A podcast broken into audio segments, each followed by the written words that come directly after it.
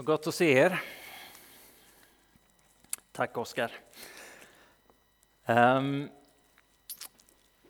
jag heter Jonathan Wolfbrandt eh, och är präst här i församlingen. Och det är ehm, som sagt väldigt roligt eh, att se er och det är en förmån tycker jag att få, få fira gudstjänst tillsammans, att, eh, att få tillbe tillsammans, att få, få komma inför Gud och det är en, en glädje och förmån för mig att få Eh, få predika idag här med er och eh, för er.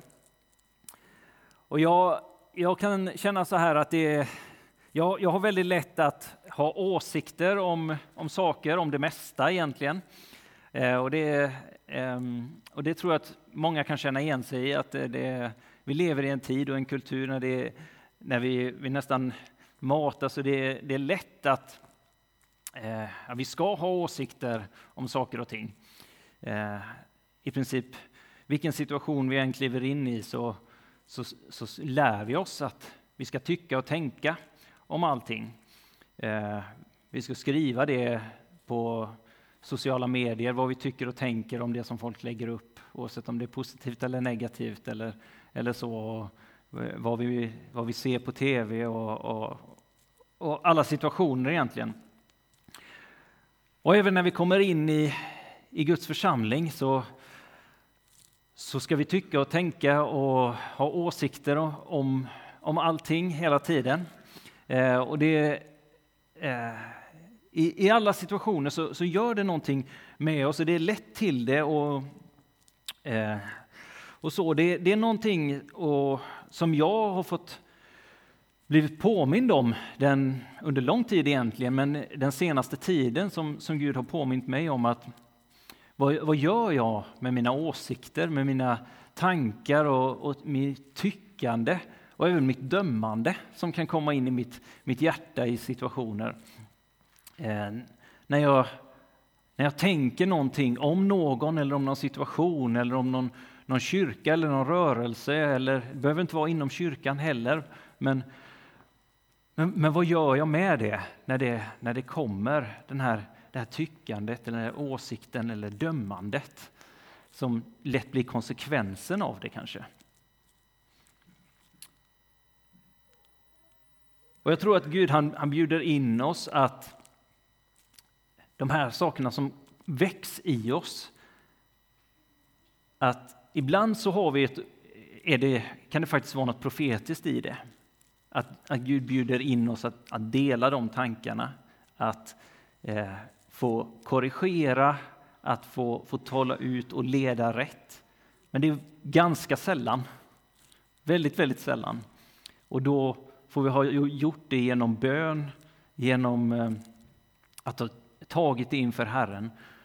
Men att, att Gud har en, en resa för oss att faktiskt få, när, när vi känner de här känslorna, att få vända det till, ja, men nu, nu be, får jag be för den här personen, församlingen, situationen, rörelsen, vad det nu handlar om.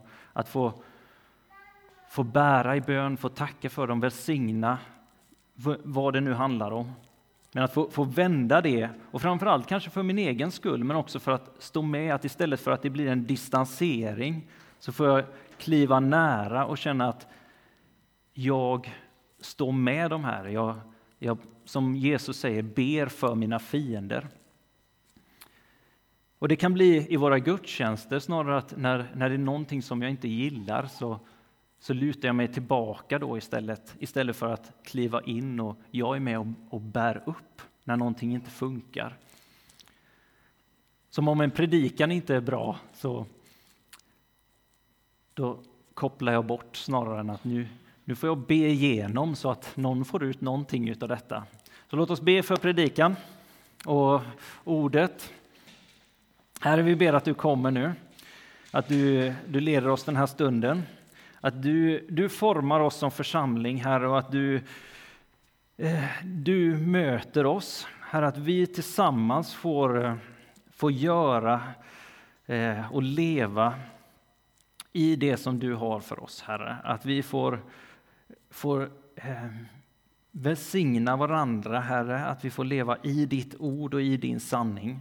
Att vi får vara en motkultur eh, mot det som, som den här världen vill forma oss i, Herre. Hjälp oss att välsigna varandra att eh, stå tillsammans i din enhet. I Jesu Kristi namn. Amen. Vi, på, vi börjar en ny predikoserie idag som går igenom Tessal, första Thessalonikerbrevet. Vi pratade här innan om hur säger man det? Vilka, vart lägger man betoningarna? Så nu blir det lite hackat som vanligt där. Men eh, Thessalonikerbrevet i alla fall. Eh, och kalla den eh, serien då Kyrka som motkultur. Eh, och det här är ett väldigt spännande brev tycker jag. Det är inte alltid det brevet som citeras kanske och inte det som är, är det mest betonade av Paulus brev. Men det är det första brevet som Paulus skrev förmodligen. Ett väldigt, väldigt tidigt brev. Eh, tidig text av de nytestamentliga texterna. Eh, och det är ett kraftfullt brev, ett brev som, som jag upplever talar väldigt tydligt in i vår tid. Eh, just om att vara en motkultur mot, eh, i den här tiden. Och det kan man ju säga att det är om många texter i, den, i, i Nya testamentet och i Bibeln. Men eh, Tim Mackey, eh, en, han som har startat The Bible Project, om ni känner till det. Eh, och känner ni inte till det så uppmuntrar jag er att kolla in det. De gör korta videosnuttar som, som beskriver eh, och introducerar till bibelböcker och bibelteman som är väldigt, väldigt eh, bra. Han, han, talar om att eh, första Thessalonikerbrevet det handlar om helighet, kärlek och det framtida hoppet. Att det är det som är liksom kärnan i, i det här brevet. Och det tycker jag beskriver det fantastiskt bra. Och idag så kommer vi eh, fokusera på det första kapitlet, vers, verserna 1-10 där, det är hela första kapitlet. Och Thessaloniki då, den här staden som det här är skrivet till, den finns kvar idag, men det, på den här tiden så var det en blomstrande handelsstad. En storstad som, eh, som var liksom knutpunkten i Makedonien, som var den här eh, regionen, som var Grek, nuvarande Grekland. Eh, och kanske egentligen hela, hela Grekland, ända ner till Aten, egentligen eh, en större stad än Aten.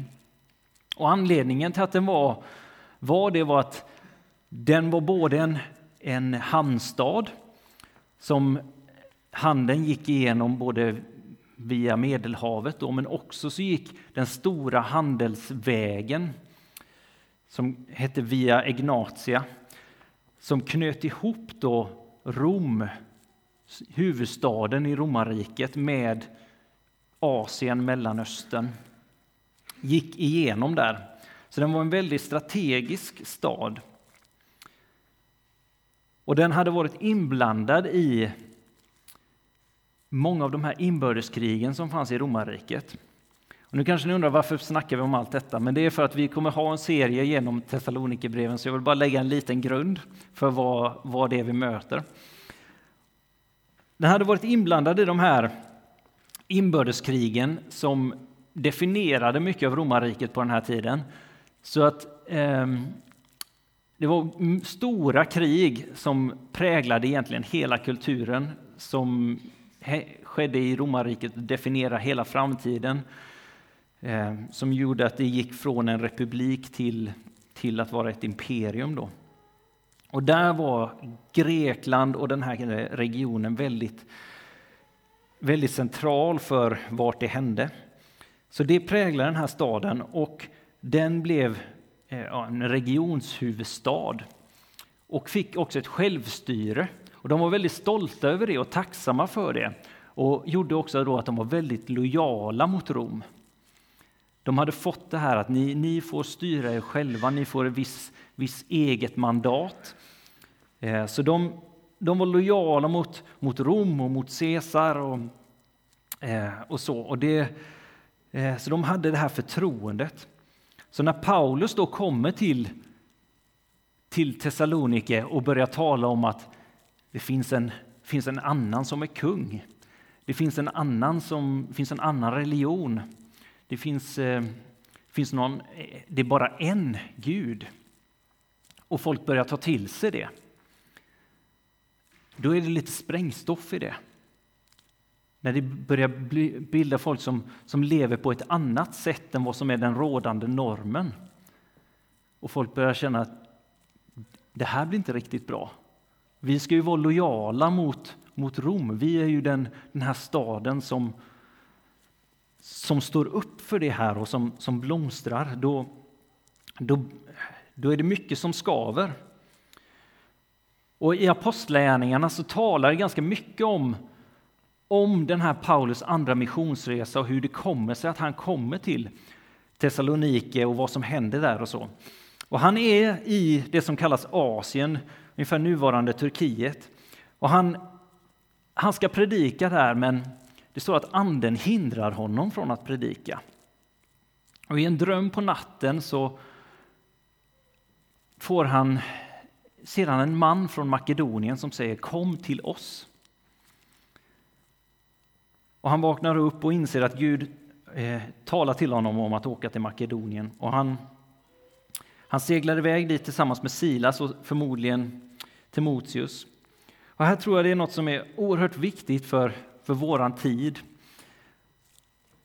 Och det är ju kanske inga nyheter för oss, men det här att anden får leda oss. Att vi kan vara väldigt inställda på hur vi ska göra saker och ting. Att ja, men vi, här är vi, så här ska vi göra, så här lever vi våra liv, så här, det, det är de, de här jag har fokuserat på, det är, de, det är hit jag har, det, det är här jag står och så här jobbar jag och det här är min, min box.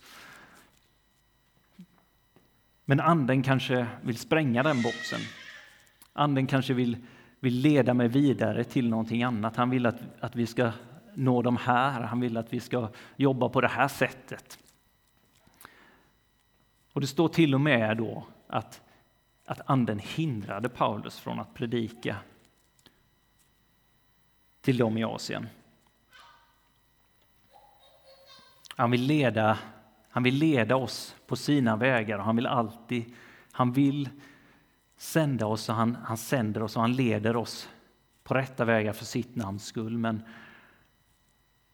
men Gud gör mycket i världen just nu och han, han har goda planer. Och får vi komma ner på knä och ödmjuka oss och be den bönen.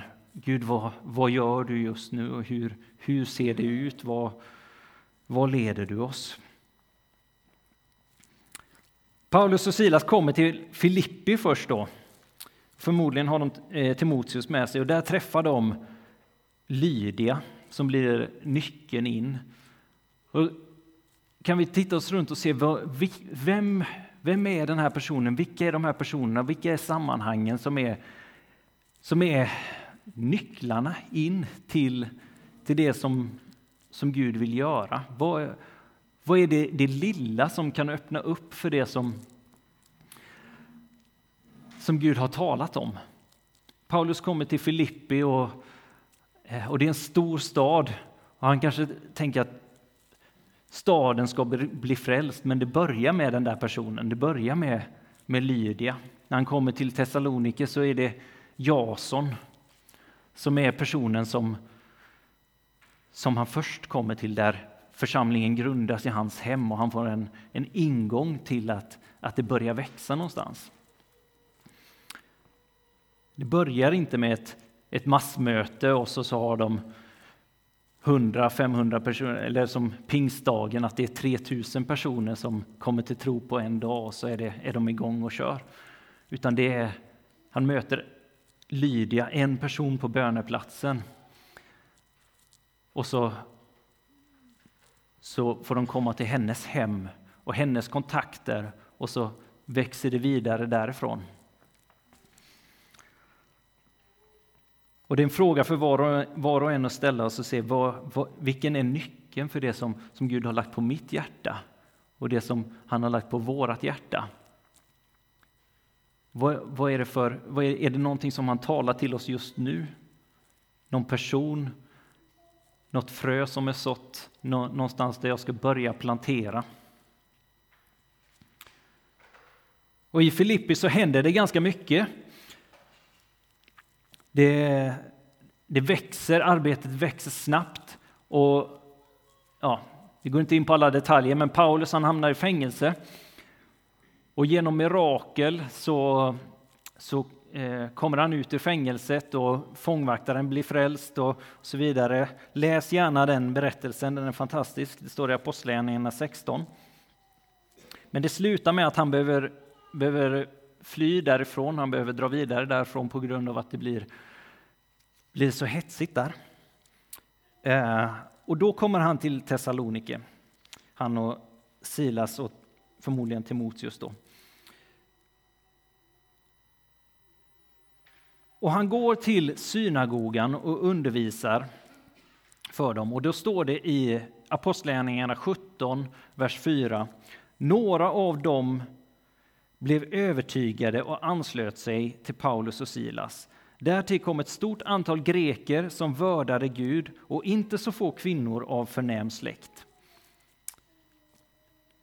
Men det är inte friktionsfritt att han har varit i synagogan under flera sabbater som det står och eh, visat i skrifterna att Jesus är Messias och att de här kommer, kommer till tro. Och Jason då, som jag sa tidigare, han tar in dem i sitt hem. Han har blivit en av ledarna och judarna de reagerar på det här. Helt plötsligt så är det, är det några av, av dem och det är och Paulus som en av de tidigare ledande fariseerna. Han kommer dit och han, han undervisar på det här sättet. Och hedningar kommer till tro, blir omvända. Det händer saker i samhället. Så judarna, de drar de kommer till Jasons hus och de tar honom och några av ledarna och drar dem inför rätta. Och så säger de till till ledarna i staden att nu är de här också. Nu har de kommit hit också. Till den här blomstrande staden. De som har vänt upp och ner på hela världen. Och så fortsätter de och säger de gör tvärt emot kejsarens påbud allihop och säger att en annan är kung, en som heter Jesus.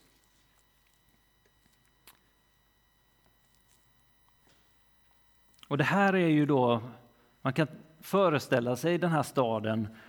Eh, man kan föreställa sig judarna, att det inte var så bekvämt för dem. När de lever där och, och någon kommer och liksom stör deras religiösa liv, deras, eh, deras tro. När man, när man utmanas i det som, det som vi tror på, det som vi, det som vi lever med ja, om man säger våra, våra dogmer, våra sätt att göra kyrka. Det är inte bekvämt när Gud kommer och stör våra jag menar inte att han stör våra dogmer, för att jag tror att våra, våra dogmer för det mesta är rätt. Men, eh, men våra sätt att, att vara kyrka på, när han kommer och stör det, när han kommer och gör upp med det som har, som har blivit ja, stelt.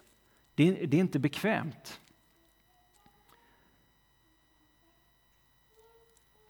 Och när Jesus eller när, när judarna reagerar på detta, vissa av dem tar emot det och ser att ja, men Jesus är verkligen Messias. Andra reagerar starkt och säger att men, nej, hedningarna har inget med detta att göra. Och Och de som har lämnat oss, de, de är avfällingar här. Och de, de drar det här inför rättan. Och staden reagerar och det blir en stark förföljelse. Och till, men till slut friges de här människorna. De betalar borgen. Eh, och det blir en stark, stark förföljelse i staden. Människor klarar inte av vad som händer här. Det blir en, det blir en motkultur och en, en spänning. Människor får verkligen lämna sitt, sitt gamla liv när de, när de går in i det nya som Jesus har gjort för dem, det, som, det livet som han har för dem. Och det läser vi om i första Thessalonikerbrevet här när, när Paulus säger i vers 9 här. De berättar själva vilken ingång vi fick hos er och hur ni omvände er till Gud bort från avgudarna för att tjäna den levande och sanne guden och vänta på hans son från himlen, honom som Gud har uppväckt från de döda, Jesus som räddar oss från den kommande vredesdomen. Att allt det här, den här staden som är så präglad av Rom, romarriket, den romerska kulten, som är liksom verkligen ett centrum för det här. Att i allt som man gör så, så har man med en tillbedjan till, till en gud på något sätt. Och, eh, och hela familjedynamiken, hela samhällslivet präglas av det. Och helt plötsligt så, så kliver de ut från detta och säger nej men vi, vi är inte med på det här längre. Vi, vi väntar på Jesus, vi litar på honom. Vi vill inte tillbe den där guden som ni tror ni är beroende av för att få en skörd eller för att eh, kunna få barn eller vad det nu handlar om. Allt i samhället är genomsyrat utav det. Och de kliver ut från det, bort från avgudarna för att tjäna det som de då istället säger är den enda och levande sanne guden. Att det som ni litar på, det är falskt, det är, det är inte sant. Hur provocerande är inte det? Att säga, får man ens säga det i ett politiskt korrekt samhälle? Att det, ni, ni går en fel väg. Det här är den rätta och sanna vägen. Vi tror att Jesus är vägen, sanningen och livet, det enda som kan komma med liv, det enda som kan komma med, med hopp och tro, det enda som kan ge skörd, det enda som kan vara gott för marken, det enda som kan ska välsigna att vi får ett bra familjeliv. Ett, eh, och nu menar jag inte att det skulle på något sätt vara en framgångsteologi eller så, men att, att det andra leder till död. Jesus och hans ord leder till liv. Att det är på något sätt det de ställer sig i. Och de talar verkligen inte om framgångsteologi för att läser vi vidare i, i brevet och även i de här verserna så, så talar det verkligen om att ja, de, fick, de får ju framgång för att de får hopp och, och tro och Jesu liv. Men de får verkligen, verkligen lida för det. De blir av med sina relationer, eh, kanske sina yrken till och med. Men de vinner, de vinner allt på något sätt.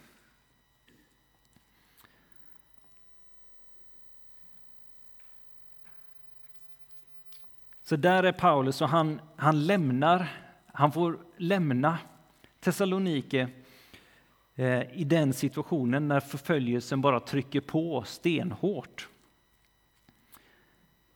Han och Silas eh, lämnar, åker vidare till Berea, men, men judarna tycker så illa om, om Paulus och får höra att han predikar för judarna där också, så de sticker dit och säger att han kan vi inte tro på, ni måste köra bort honom härifrån också, så han får lämna där och åka till Aten. Och ni som har läst Apostlagärningarna vet att i, i Aten så predikar Paulus, han håller ett välkänt tal på Areopagen, men, men frukten blir inte så stor i Aten. Och han får lämna där och kommer till Korint och i Korint växer en stor församling fram. Där stannar han i två år och det är därifrån som han skriver Thessalonikerbrevet, eller breven. Och i Korintierbrevet så skriver Paulus i kapitel 2 att han kommer till dem svag, rädd och mycket orolig. Han han vet inte hur det har gått för, på den här missionsresan. Han har varit på plats efter plats och blivit bort, fått fly därifrån på grund av förföljelserna. Han har lämnat bröder och systrar, församlingar som han har grundat i, i förföljelse. Han var i Thessaloniki ungefär en månad kanske och fick se människor komma till tro men också se att de fick utstå väldigt påtryckning. Och fick lämna där. Och han, han skriver i inledningen på första Thessalonikerbrevet från Paulus, Silvanus, som är Silas, då, och Timoteus till Thessalonikes församling som lever i Gud Fadern och Herren Jesus Kristus. Nåd och frid vare med er. Vi tackar alltid Gud för er alla när vi nämner er i våra böner, för vi tänker ständigt på er gärning i tron, ert arbete i kärleken och er uthållighet i hoppet till vår Herre Jesus Kristus inför vår Gud och Far. Och han, Paulus han, han har varit där, han har sett vad Gud har gjort, han har sett vad som har hänt med dem i, i, i hans delande av evangeliet och sett hur de har tagit emot, hur evangeliet har slagit rot i dem. Och han bär dem ständigt i bön. Han längtar efter att se det här. Han är orolig för församlingen. Han har nöd för dem och ser hur växer upp saker och, och täcker eller lever församlingen kvar? Har de skingrats eller, eller vad är det som har hänt? Och där kommer han till Korint och han skickar Timoteus tillbaka till Thessaloniki för att uppmuntra dem, för att styrka dem och för att höra hur det är med dem. Och Timoteus kommer tillbaka till honom och vittnar om att de finns inte bara kvar utan de blomstrar i tron. Och det är på den, det gensvaret som han skriver det här brevet. Att han har fått höra både om deras utmaningar men också om hur, hur det är med dem. Att de, de står stadigt i tron. Och här tror jag också det finns en, en, en, ett tilltal till oss på något sätt. Att, att vi, vi kanske har sett saker, vi kanske har levt med saker som vi har upplevt att, att Gud har han har talat saker till oss, kanske jättetydligt, eller att vi har bara känt att det, ja, men vi, vi, tror det är detta som, som Gud har för mitt liv, eller för den här tiden eller så. Men så, så har vi sen känt att, nej men, varför ser jag ingen frukt då? Varför är det bara som att jag kör spaden i asfalten? Eller varför, varför försvinner alla folk? Eller varför, varför händer det ingenting? Varför kommer inte Gud med sin kraft? Eller varför? Ja, massa olika anledningar. Vad är det som händer egentligen? Paulus han, han upplevde en så tydlig kallelse att det var inte i Asien utan han skulle till Makedonien. Och så kommer han dit och på plats efter plats så, så möter han förföljelse. Han ser människor komma till tro, han ser församlingar planteras och, det, och han, han talar här om att han, han ser ju Guds verk i det här. Men han, blir, han får dra vidare och han, han kommer till Korint svag och rädd och mycket orolig. Och kanske vi är på den platsen att vi, vi, vi, vi kanske till och med tvivlar på, är det, har vi gått rätt? Har vi gjort rätt? Var är Gud i det här? Känner oss svaga och rädda, oroliga. Vad är det som händer? Kommer Gud göra det som han har sagt att han ska göra? Kommer han dyka upp? Finns det hopp i den här tiden för att faktiskt stå, stå kvar i kallelsen? Var är vi på väg någonstans? Var är jag på väg? Och Paulus han skickar iväg Timoteus och får det här uppmuntrande svaret, men det är inte alltid vi, vi kan göra det på det sättet. Men jag tror att, att Gud han vill, han vill säga till oss idag att, ja, att han, han bekräftar sin kallelse, han kommer göra det.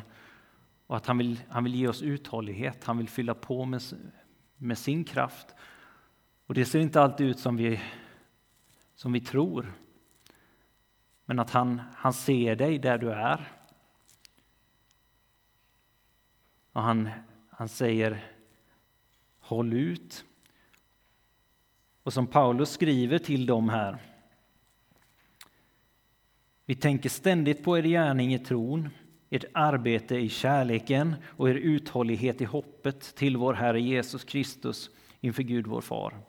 Bröder, eller systrar, Guds älskade, vi vet att ni är utvalda för vårt evangelium kom till er inte bara i ord utan också med kraft och den helige Ande och full visshet.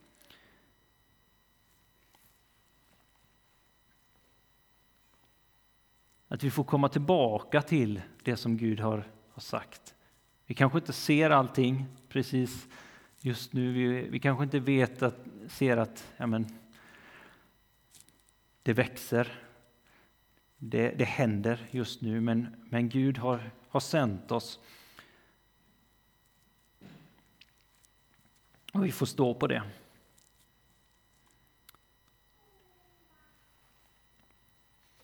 Och vi kommer kanske inte förstå varför saker händer på det sättet som det händer.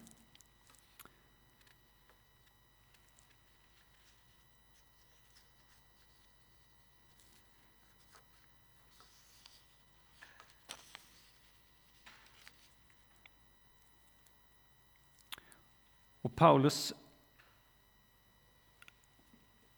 som sagt, han kommer till Thessalonike med ovisshet, eller till Korint med ovissheten om hur det ser ut, hur, hur det råder, men, men med kärleken och, och nöden för de här bröderna och för den här församlingen. Och så, så, så talar han om dem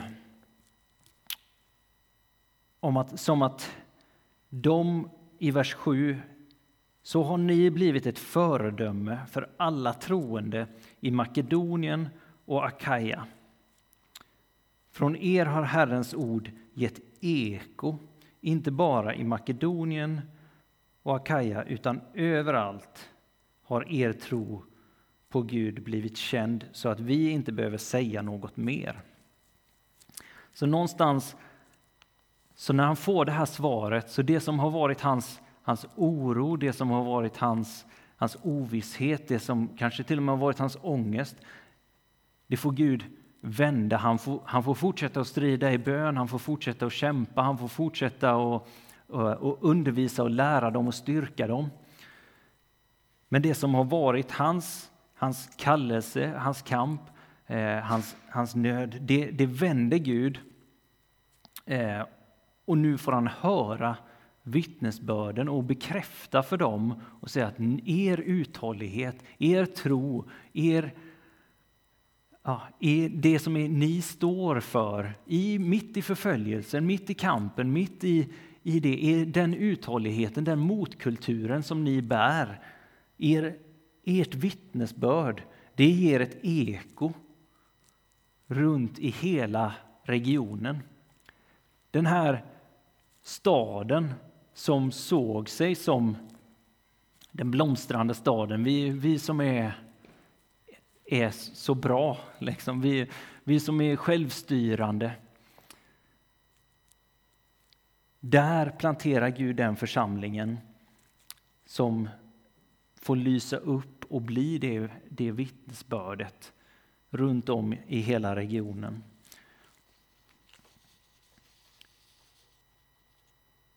Och de formas av att de håller blicken fäst på Jesus på, och, och får hålla ut på grund av att de, de inte hänger med på, på alla, allt det som pågår i den, den staden. Då. De litar inte till, sin, ja, till förtroendet på, på Rom och, och så vidare, utan de, de litar på på Jesus, de litar på att han ger det som de behöver och att han kommer, han kommer komma och, och eh, tillbaka. De har ett framtidshopp, de lever heligt, de lever i kärlek till varandra.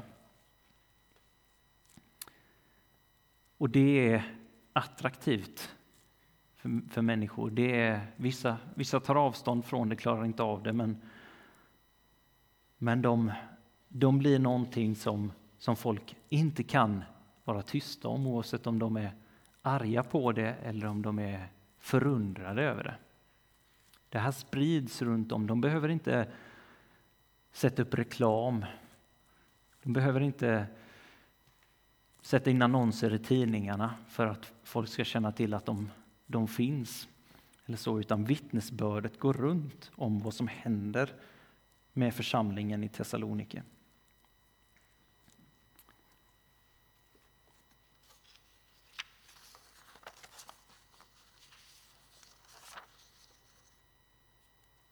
Vi får inspireras av Paulus och vi får komma till Jesus med, med den här kallelsen tror jag som, eh,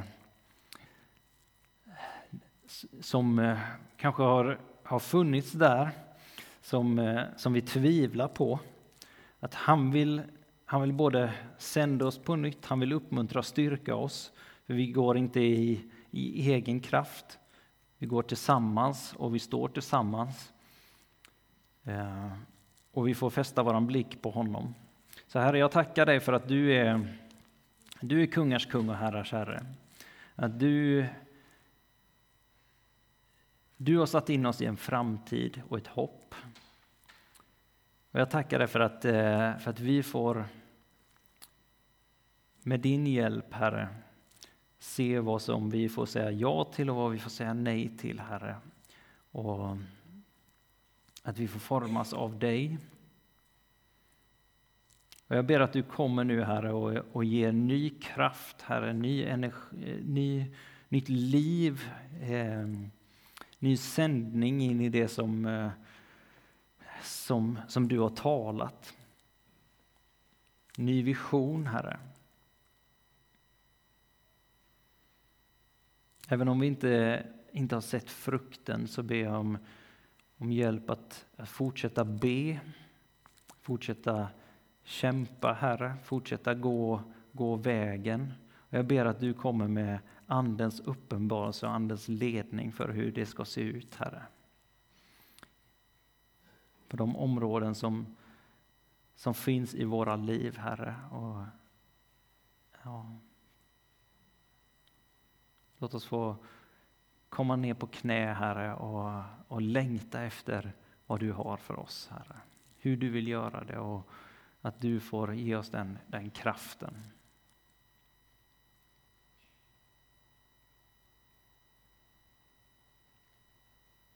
Amen.